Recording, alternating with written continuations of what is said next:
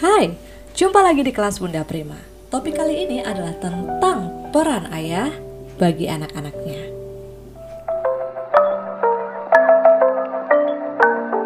Hai, ini adalah kelas Bunda Prima. Di kelas ini kita akan berbagi bersama pengalaman dan studi tentang anak-anak. Anak-anak adalah anugerah Tuhan. Merawat mereka adalah sebuah panggilan hidup. Saya ingin mengajak semua belajar dan bertumbuh dalam kasih untuk mereka. Saya Bunda Prima, Early Childhood Specialist and Child Counselor, Edukasi Foundation. Kenapa topik ini menjadi sangat penting di masa ini? Karena kita tahu faktanya anak-anak saat ini banyak yang tumbuh tanpa sosok seorang ayah. Bukan karena ayahnya sudah meninggal, tetapi karena memang pernikahan itu sudah tidak menjadi uh, begitu penting lagi di pandangan dunia ini gitu. Bahkan sebagian orang sudah tidak percaya lagi dengan institusi keluarga yang bernama pernikahan. Akhirnya anak-anak tumbuh dengan tidak mengetahui siapa ayah mereka. Kadang-kadang juga sampai tidak mengetahui siapa mama mereka. Dan untuk anak-anak ini akan kesulitan sekali untuk melihat kehidupan mereka di masa datang karena mereka tumbuh tanpa gelas yang penuh gitu. Jadi setiap manusia itu mereka tumbuh dengan membawa dua gelas di dalam kehidupannya ya. Satu adalah gelas cinta yang diisi oleh mama, yang satu di gelas cinta yang diisi oleh papa. Cinta ini termasuk berbagai macam ekspresi ya, entah itu disiplin, kasih, sayang, perhatian, memaafkan dan berbagai macam emosi yang ada di dalamnya. Nah, anak-anak yang hidup tanpa papa, gelas cintanya ini kosong. Atau mungkin dengan papa tapi kemudian papanya absen. Atau tidak melakukan perannya dengan tepat. Sehingga gelas cintanya ini bocor. Ada tapi bocor. Kasih yang uh, apa diberikan itu tidak pernah sampai. Karena nggak ada gitu. Bocor kosong. Mau di, dituangin bagaimanapun gelasnya sudah bocor. Sehingga mereka tumbuh dengan tidak lengkap dengan tidak uh, utuh begitu sehingga akan terjadi lagi waktu mereka harus membentuk keluarga yang baru, mereka tidak tahu bagaimana memerankan peran seorang ayah bagi yang pria atau bagaimana menghadapi seorang pria sebagai pemimpin bagi yang wanita. Sehingga membahas peran ayah di dalam sebuah keluarga ini menjadi sangat penting. Nah, um, beberapa hal yang perlu kita lihat kenapa peran hal ini menjadi penting karena sebenarnya peran ayah ini mendemonstrasikan kasih Allah kepada manusia di dalam sebuah keluarga. Yang pertama bahwa Tuhan itu adalah sumber dari segala kehidupan. Nah, manusia pertama diciptakan adalah Adam kan? Adam diciptakan kemudian dari Adam lah diambil tulang rusuk dan dibuat manusia yang selanjutnya. Bukan Adam ini lebih superior, bukan, tetapi dari sanalah sumbernya, begitu. Artinya bahwa pria ini, bapak ini, pemimpin keluarga ini, dia memegang peran menjadi sumber di dalam keluarga itu. Kemudian yang kedua, mereka adalah provider gitu, menggambarkan Allah yang adalah provider atau penyedia bagi kehidupan manusia dan itu direpresentasikan dalam sosok ayah. Ya, ibu juga punya perannya sendiri yang pasti equal dengan ayah meskipun berbeda. Tapi dalam sesi ini kita memang khusus membahas tentang ayah ya. Kemudian God correct us atau Tuhan itu juga mengoreksi kita menegur kita. Nah itu juga direpresentasikan uh, di dalam peran ayah peran seorang papa. Dan yang terakhir dan ini yang sangat penting sekali adalah bahwa peran papa ini menggambarkan bahwa Allah itu mencintai manusia unconditionally atau tanpa syarat. Nah, ketika kita tahu bahwa ternyata peran seorang pria itu begitu besar merepresentasikan uh, Allah yang yang mungkin bagi anak tidak terlihat, maka seharusnya memerankan peran ini harus dilakukan dengan sangat serius oleh para pria dan pasti harus punya persiapan sebelum pernikahan itu terjadi ya sehingga waktu pria mau menikah itu bukan mempersiapkan wedding partinya seharusnya tetapi mempersiapkan bagaimana nanti dia akan menjadi seorang ayah yang akan menanggung sekian banyak peran yang dipercayakan kepada dia. Itu yang mesti harus dilatih sebenarnya sebelum seseorang memutuskan untuk menikah. Dan itu bisa di diridim kok karena Tuhan kita adalah Allah yang menebus kan. Dan Tuhan akan menolong kita meskipun kita belum belum melakukan itu atau belum tahu tentang hal itu, ketika kita mau diajar dan mau belajar, kita pasti akan bisa melakukannya. Nah, yang pertama, peran ayah yang sangat penting adalah menjadi seorang pemimpin. Dengan dia memimpin keluarganya dengan benar, anak akan melihat teladan yang benar dari seorang ayah ya. Nah, memimpin salah satunya adalah dengan mengambil keputusan. Bukan ayah yang harus mengambil keputusan semua dan memutuskan sendiri. Beda ya, mengambil keputusan dengan memutuskan sendiri itu dua hal yang berbeda. Mengambil keputusan itu adalah begini. Oke, apa pendapatmu? Oke, aku dengar pendapatmu. Kalau kamu gimana? Oke, kalau kamu gimana? Oke. Jadi dari ini aku pikirkan dan sebagainya. Nah, karena kita punya pendapat agak berbeda, maka Papa akan memutuskan yang ini ya, seperti yang kamu. Kenapa? Karena alasannya seperti ini. Nah, itu adalah mengambil keputusan. Tetapi yang membuat keputusan itu bersama-sama. Dibuat oleh banyak orang.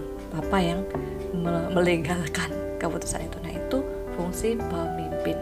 Dia akan menolong keluarganya untuk terus mengingat visi yang Tuhan berikan di dalam keluarga itu dan terus berjalan di sana. Begitu menggok sedikit, beng, apa uh, membelok sedikit, maka papa ini yang punya tugas untuk ayo kita balik lagi, kita keliru jalannya dan seterusnya. Um, kemudian papa juga memerankan peran yang kedua yaitu sebagai provider atau penyedia. Itulah kenapa pria harus bekerja ya untuk memenuhi kebutuhan keluarganya. Nah, dengan anak-anak itu melihat papa bekerja, meskipun bekerja dari rumah nggak apa-apa, tapi bisa diajarkan dengan dengan menunjukkan bahwa ini papa sedang bekerja. Ketika papa bekerja, Tuhan mempercayakan sebuah tanggung jawab dan ketika papa bekerja, Tuhan akan memberikan upahnya kepada papa. Nah, upah itulah yang kita pakai untuk kita bisa beli A, beli B, beli C dan seterusnya. Nah, tapi bukan karena papa bekerja saja, tapi karena Tuhan yang memberi kepercayaan papa bekerja. Nah, hal itu terus-menerus kita sampaikan kepada kepada anak-anak. Jangan sampai anak-anak berpikir seperti ini. Kita sering katakan ini ya. Papa mau ke mana kerja cari uang? Nah, bukan. Kerja basically bukan cari uang dan peran papa bukan mencari uang. Kalau mencari uang itu uh, apa? Di permukaan sekali ya kalau mencari uang itu hanya mencari uang gitu dan caranya bagaimana kita nggak tahu. Tetapi kita harus menekankan bahwa seorang papa itu dipercayakan tanggung jawab sama Tuhan untuk mengerjakan sesuatu yang Tuhan sudah berikan sehingga Tuhan memberikan upah pada dia. Nah jadi yang dicari sama seorang papa bukanlah uang tetapi melaksanakan kehendak dan pekerjaan yang Tuhan percayakan supaya uh, dari pekerjaan itulah uh, papa bisa menjadi saluran berkat untuk kita bisa melakukan ini dan itu beli ini dan itu dan seterusnya. Nah ini harus kita perjelas ya kepada anak-anak kita. Dan kemudian yang ketiga peran seorang papa adalah menjadi teladan di dalam respecting woman yaitu istrinya sendiri. Ya jadi anak-anak itu akan mengkopi loh dan akan melihat bagaimana sok papaku ini memperlakukan disayang, dihormati sekali, dibukakan pintu mobilnya. Anak-anak akan mengkopi itu dan akan akan kagum dengan itu dan dia kemudian akan melakukan itu di kemudian hari. Ketika kalau anak itu pria ya dan kalau anak itu wanita dia akan uh, apa? Me, me, me, menolong dirinya sendiri untuk nantinya akan men, menemukan pria atau mengarahkan pandangannya pada pria yang sedemikian gitu sehingga tidak tidak salah pilih tidak sembarangan begitu. Karena dia sudah merasakan dan melihat dan mengalami betapa papanya ini sangat menghormati seorang wanita. Nah contoh lain lagi juga bisa dilakukan sejak uh, istrinya itu mengandung ya. Mengantarkan ke rumah sakit, waktu melahirkan menunggui, waktu menyusui, dia juga ikut menjadi bapak asih ya. Waktu menyusui itu masa yang sangat sangat berat bagi seorang wanita ya, dia masih berada dalam transisi antara dirinya dan sebuah kehidupan yang keluar dari dirinya dan dia pun harus menyusui ya. Belum lagi nanti ada pandangan orang-orang di sekitarnya. Ini kok jadi curhat? Tapi itu yang dialami ibu-ibu kan. Nah bapak harus memerankan diri menjadi bapak ASI. Dia nggak bisa menyusui, tapi dia menyediakan diri untuk mensupport ibu-ibu yang sedang uh, menyusui. Dan anak itu akan merasakan support itu sejak dari dini. Kemudian selanjutnya adalah peran papa ini ya yang adalah mempraktikkan kasih dan adil ya. Tadi ada correction bahwa Allah itu menegur kita.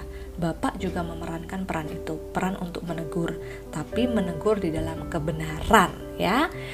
Jadi oh, kita selalu bilang sama anak-anak, anak-anak turutilah kata-kata orang tuamu. Tapi kalau orang tua kita nggak benar, anak-anak juga susah menurutinya kan. Makanya orang tua uh, harus uh, melakukan kasih dan adil gitu di dalam kebenaran. Adil dia apa memberikan atau menolong anaknya mengerti bahwa setiap perbuatan yang melanggar peraturan itu ada konsekuensinya. Dan dia dengan sangat konsisten melakukan itu. Tapi juga kasih.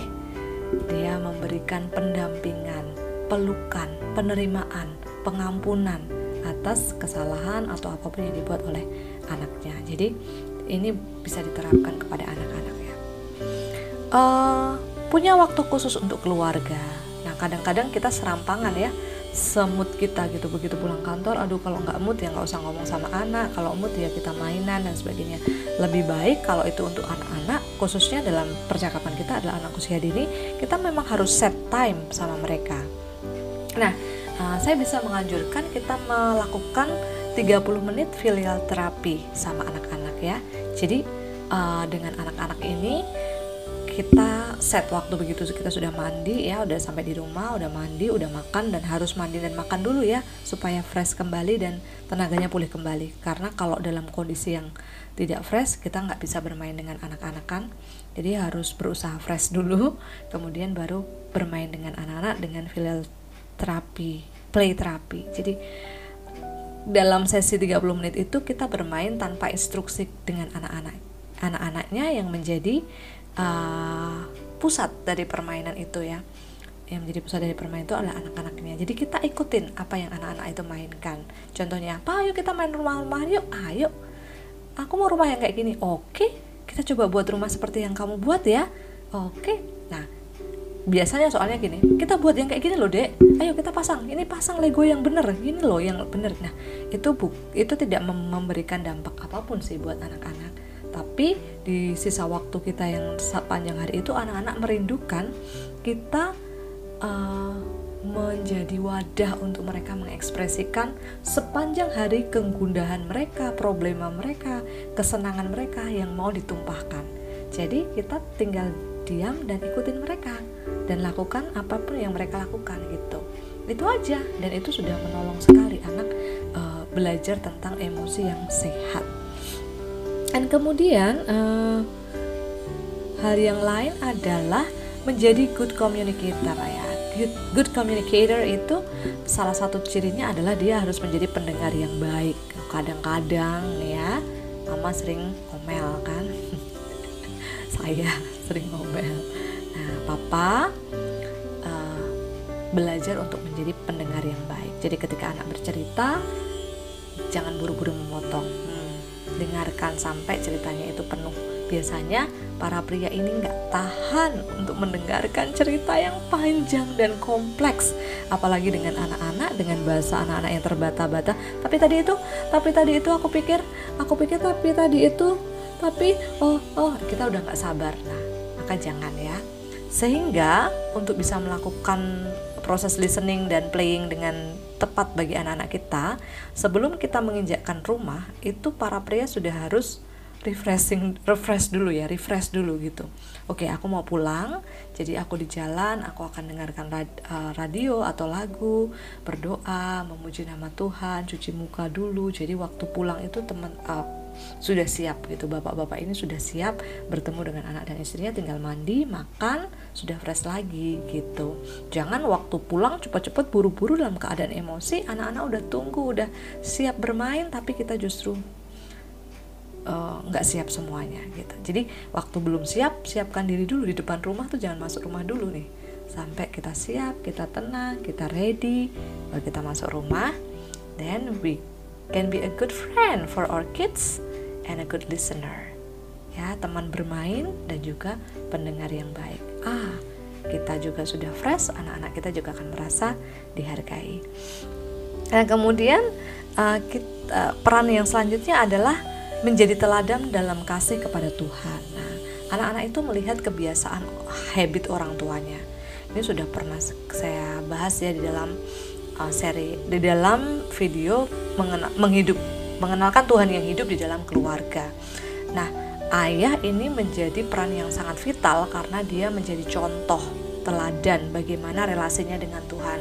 Kalau ayah nggak nggak punya relasi dengan Tuhan akan susah seorang anak ini mengerti apa sih arti berdoa saat teduh, berbicara dengan Tuhan secara pribadi gitu. Ayahku nggak pernah melakukannya, sehingga teladankanlah itu di dalam kehidupan anak-anak kita. Kita mulai dengan diri kita sendiri. Kita membaca firman Tuhan, berdoa, dan kemudian memperkatakan hal-hal yang manis, yang baik, yang yang benar begitu kepada anak-anak kita.